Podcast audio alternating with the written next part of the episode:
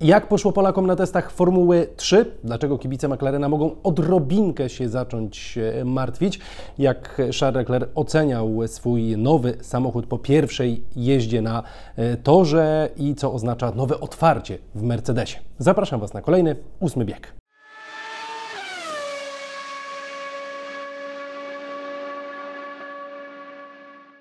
Partnerem ósmego biegu jest wypożyczalnia samochodów Odkryj Auto. Dzisiaj trochę zmian y, wizualnych na moim y, kanale. Mam nadzieję, że będą Wam się podobały. Dla mnie to będzie duże usprawnienie, jeśli chodzi o montaż, a wydaje mi się, że dla Was też obrazek po prostu będzie ciekawszy w odbiorze. Przechodzę teraz już e, do gorących e, tematów i od razu zapowiadam kolejny odcinek, e, który prawdopodobnie, jeśli będzie coś ciekawego po jutrzejszej prezentacji Red Bulla, jutrzejszej, czyli czwartkowej, to pojawi się w piątek. Jeśli nie będzie nic takiego super ciekawego z tej prezentacji, to widzimy się ponownie najprawdopodobniej tradycyjnie w poniedziałek. A zaczynam od testów Formuły 3, bo mamy tam dwóch Polaków, Kacpra Sztuka i Piotra Wiśnickiego. Panowie jeździli przez trzy dni na torze w Bahrajnie. Jeśli chodzi chodzi o czasy, no to głównie panowie swoje czasy notowali tam w okolicach drugiej, trzeciej e, dziesiątki. Ostatniego dnia Kasper miał czas numer 15, e, Piotrek czas 20. Dziewiąty, no i już oczywiście tradycyjnie po testach pojawiły się opinie, gdzieś tam widziałem na Twitterze, koniec sztuki, w ogóle bez sensu, skąd ten Red Bull, przecież nie ma tempa. No ale spokojnie będziemy tłumaczyć, jak zawsze po, e, po testach z udziałem Polaków, tłumaczymy, że to są tylko testy i bez pełnej wiedzy tego, co robił dany kierowca, w którym momencie wyjechał na tor, co rozumiał, czego nie rozumiał, co rozumiał zespół, co zespół sprawdzał, jakie były problemy, bez pełnej wiedzy, tak naprawdę ocenianie tych testów jest bezsensowne kompletnie. Dajmy czas, poczekajmy na pierwszy wyścig, na pierwsze kilka tak naprawdę wyścigów, bo Kacper też jest debiutantem w tej serii. A jego zespołowi koledzy troszkę większe doświadczenie mają w samochodach zbliżonych do samochodu F3. Poczekajmy, jeden, dwa, trzy wyścigi, wtedy będziemy to bardziej e, oceniać. Piotrek Wiśnicki, e, no, po nim się spodziewamy tego tempa e, przyzwoitego już od samego początku, jeśli chodzi o jego zespół, oczywiście o zespołowych kolegów. On trochę w gorszym zespole niż, niż Kacper, a nawet w dużo gorszym, bo Piotrek już jeden sezon niecały, ale jednak w Formule 3 przejeździł. No dobra, to e, żeby to e, uzupełnić, to jeszcze wypowiedzi e, kierowców. Kacper Sztuka po tych testach powiedział, że wykonaliśmy wspólnie z zespołem bardzo dobrą pracę, która z pewnością zaprocentuje na starcie sezonu. Cieszę się szczególnie z tego, że coraz lepiej rozumiem pracę opon, która różni się od innych serii wyścigowych, a to przekłada się na pewność w prowadzeniu. Teraz przede mną ostatnia prosta przygotowań, żeby za dwa tygodnie być optymalnie przygotowanym do debiutu. I jeszcze Kacper też w takim wideo, które wrzucił na swojego Twittera, mówił, że wykonaliśmy dobrą robotę, jeśli chodzi o wyścigi, to jest e, dobrze. Ostatecznie te wyścigi są e, e, oczywiście kluczowe, bo to tam się zdobywa punkty, ale w kwalifikacjach w tej pierwszej dwunastce dobrze jest być, bo ta dwunastka jest odwracana i za to będziemy trzymać kciuki w zasadzie podczas każdego weekendu. U Piotra Wiśnickiego parę rzeczy do poprawy w samochodzie i w pracy zespołu na pewno się znajdzie. Rozmawiałem z Piotrkiem kilka chwil, powiedział, że odczucia nie były złe, na pewno są to odczucia dużo lepsze i ten zespół dużo lepiej pracuje niż w przypadku PHM-u, czyli tego tragicznego zespołu, z którym Piotrek był związany w zeszłym roku. No i też ten zespół bardziej rokuje w kontekście wyciągania wniosków na, na przyszłość. Więc słuchajcie, no za dwa tygodnie już zaczynamy pierwszy wyścig. Ja się nie mogę doczekać, Wy pewnie też.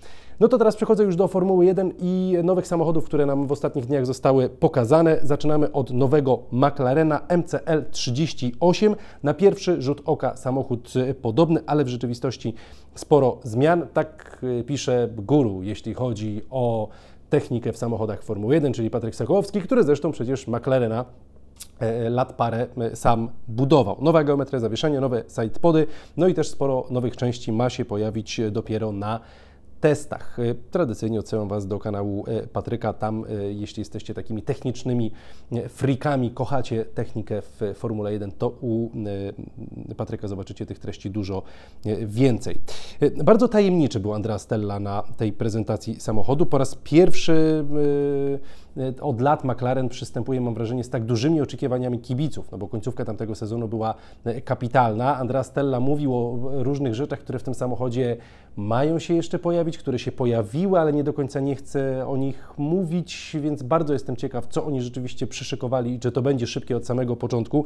No nie chcą popełnić e, błędu z ubiegłego roku, kiedy zaczęli sezon fatalnie i dopiero od dziewiątej rundy, od Austrii zaczęli jechać jakkolwiek dobrze, a ostatecznie mieli dziewięć podiów w całym sezonie, czyli więcej niż Mercedes, tyle samo podiów co e, Ferrari. Ale jest jedna rzecz, która troszeczkę może martwić w przypadku McLarena. Chodzi o te słowa Andrea e, Steli. Jest wiele nowości w tym samochodzie, ale nie wszystko, co chcieliśmy, udało nam się do tego auta dołożyć. Na tych obszarach będziemy się teraz skupiać w trakcie sezonu, gdy będziemy przewozić poprawki, które zresztą już się produkują. No i właśnie, w zeszłym roku też podobna wypowiedź, ale jednak w dużo poważniejszym tonie utrzymana, bo wtedy mówili, że po prostu to nie jest gotowy samochód i my dopiero będziemy go tak w pełni e, e, rozwijać. Teraz ta wypowiedź pokazuje, że jest to bardziej gotowy samochód niż w zeszłym roku i chyba nie spodziewają się tak złego początku, jak to było, miało miejsce w zeszłym e, roku, ale widać, że jeszcze już na tym etapie wiedzą, że jeszcze będą musieli ten samochód z kolejnymi poprawkami ulepszać. Wiedzą, co mają przewozić. W zeszłym roku pokazali kapitalną, kapitalną poprawę więc y, trzymam kciuki bardzo za McLarena i liczę, że naprawdę zaczną od razu ten sezon z wysokiego C i będziemy się od początku ekscytowali ich dobrymi wynikami, bo tego y, po prostu potrzebujemy. Przechodzę teraz do Ferrari. A nowe Ferrari nazywa się SF24 i tak się prezentuje. Moim zdaniem ładnie to wygląda, nie ma za dużo odsłoniętego karbonu, ładne te linie, takie y, biało-żółte, mi się one naprawdę podobają. No i w Ferrari, słuchajcie, mamy rewolucję. Mówi o tym dyrektor techniczny Enrique y, Cardile, który stwierdził, że każdy obszar tego samochodu został kompletnie przeprojektowany, a w zasadzie to, to jest Enrico Cardile, to jest człowiek odpowiedzialny za nadwozia i o nadwoziu też Enrico Cardile mówił. Zmienione choćby mit pośród wielu innych zmian y, system DRS, który to był ogromną przewagą Red Bulla w poprzednim sezonie i teraz Ferrari wiedziało, że muszą się na tym obszarze skupić, jeśli chcą ich gonić, jeśli chcą na tych prostych być w stanie za Red Bullem się utrzymać. Mamy rewolucję w Ferrari, ale jaki jest cel tej rewolucji? No tutaj w Ferrari mówią wprost, poprawienie prowadzenia. Samochód Formuły 1, jeśli jest stabilny, to jest powtarzalny. Jeśli jest powtarzalny, to można szybko pojechać nim w wyścigu. I to była bolączka Ferrari w zeszłym roku. W kwalifikacjach przecież byli kapitalni. Natłuk tych pole position Charles Leclerc całkiem sporo, ale w wyścigach często zazwyczaj nie wyglądało to już tak dobrze. No i oni sami przyznali, to jest podstawowy wymóg, żeby walczyć o zwycięstwa.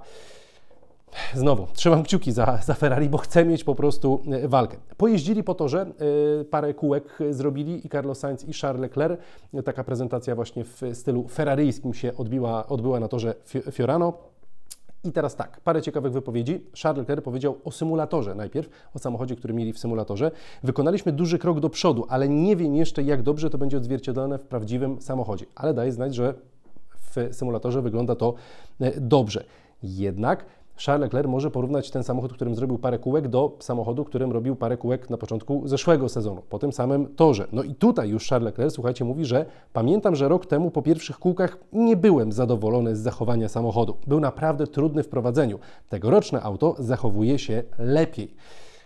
Możemy sobie malutki, taki tyci-tyci balonik napompować, ale to jest tylko jedna wypowiedź i sam Charles Leclerc mówi, że ok, to są moje odczucia w kontekście tego samochodu po bardzo niewielu okrążeniach, plus nie wiemy, co przywiezie konkurencja, a to zawsze w Formule 1 jest najważniejsze. W każdym razie nie ma tragedii i jeśli Leclerc mówi wprost, że jest to lepsza platforma niż ta, którą mieli na początku zeszłego sezonu, to znaczy, że coś tam dobrego w tym samochodzie się zadziało. No jest to też samochód y, jako pierwszy przygotowany niemalże w pełni przez ekipę zarządzaną już przez Freda Wassera, no bo ten poprzedni samochód, jak Fred Wasser przyszedł, to już był praktycznie e, gotowy. E, dodam tylko, że przed rokiem, jeszcze sobie sprawdziłem dokładnie, co Leclerc mówił po tych jazdach na torze Fiorano, wtedy powiedział, że ten samochód spisał się dobrze, było gładko, wszystko poszło zgodnie z planem. Więc był troszkę bardziej oszczędny w pozytywnych słowach po zeszłym roku. Jeszcze trzy ciekawe wypowiedzi z tej prezentacji Ferrari.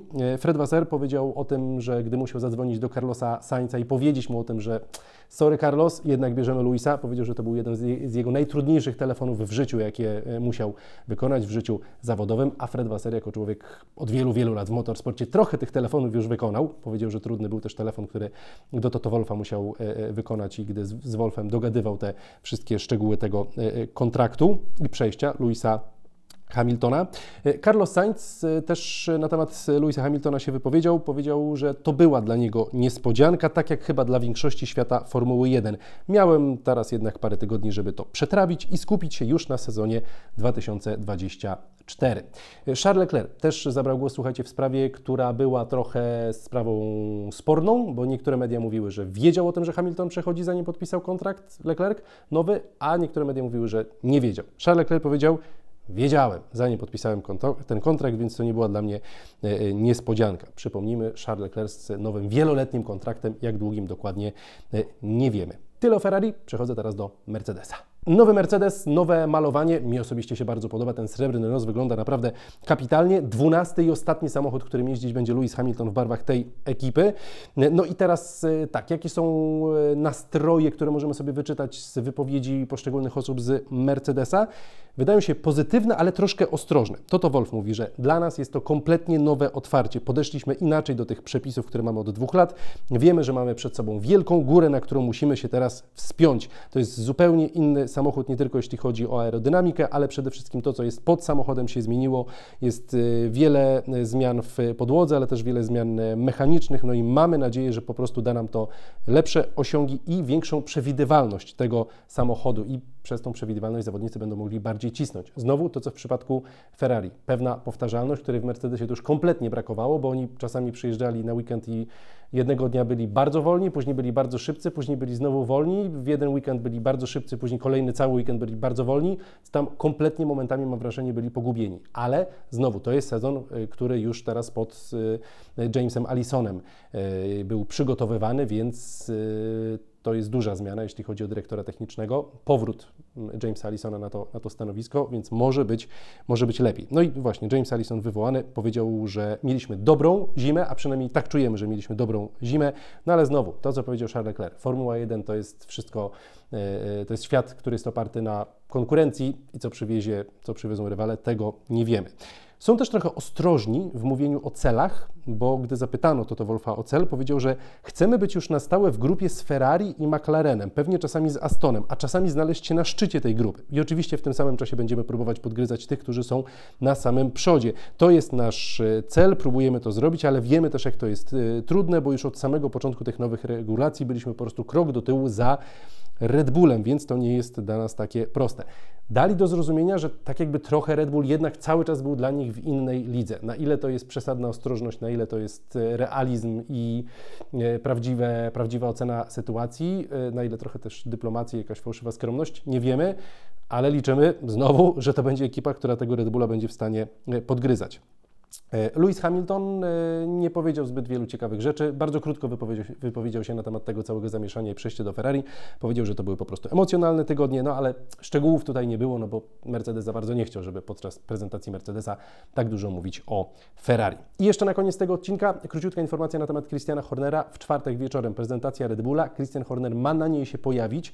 Był też obecny według telewizji Sky na torze podczas dnia filmowego, który miał Red Bull na torze Silverstone. No, to zgodne z informacjami, które przekazywałem Wam e, wcześniej. Tam też e, mówiono, że dopóki nie będzie rozstrzygnięcia tego postępowania, Christian Horner będzie po prostu normalnie swoją funkcję e, pełnił.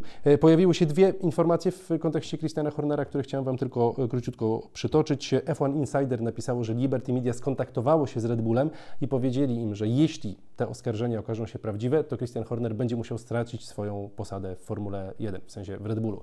No ale to jest chyba oczywiste. Widziałem, czy gdzieś tam to się znalazło na nagłówkach Y, przeróżnych, ale no, to mi się wydaje po prostu oczywiste. Jeśli te oskarżenia się potwierdzą, no to po prostu nie ma miejsca dla e, Christiana Hornera w Formule 1 i to wydawało się e, jednak czymś, co, co jest jakieś naturalne w tej sytuacji. Ale oczywiście przypominam wszystkim, to jest cały czas sytuacja, w której nie wiemy, co będzie z Christianem Hornerem, nie wiemy, czy jest winny, czy nie, nie wiemy, czy to są fałszywe oskarżenia, czy nie.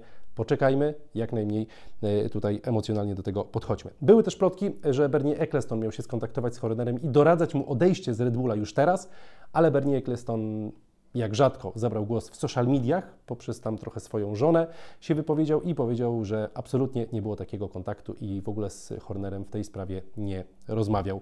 Ode mnie na dzisiaj to tyle. Ja już się narozmawiałem. E, widzimy się albo w piątek, albo w poniedziałek. W każdym razie do zobaczenia. Cześć, cześć.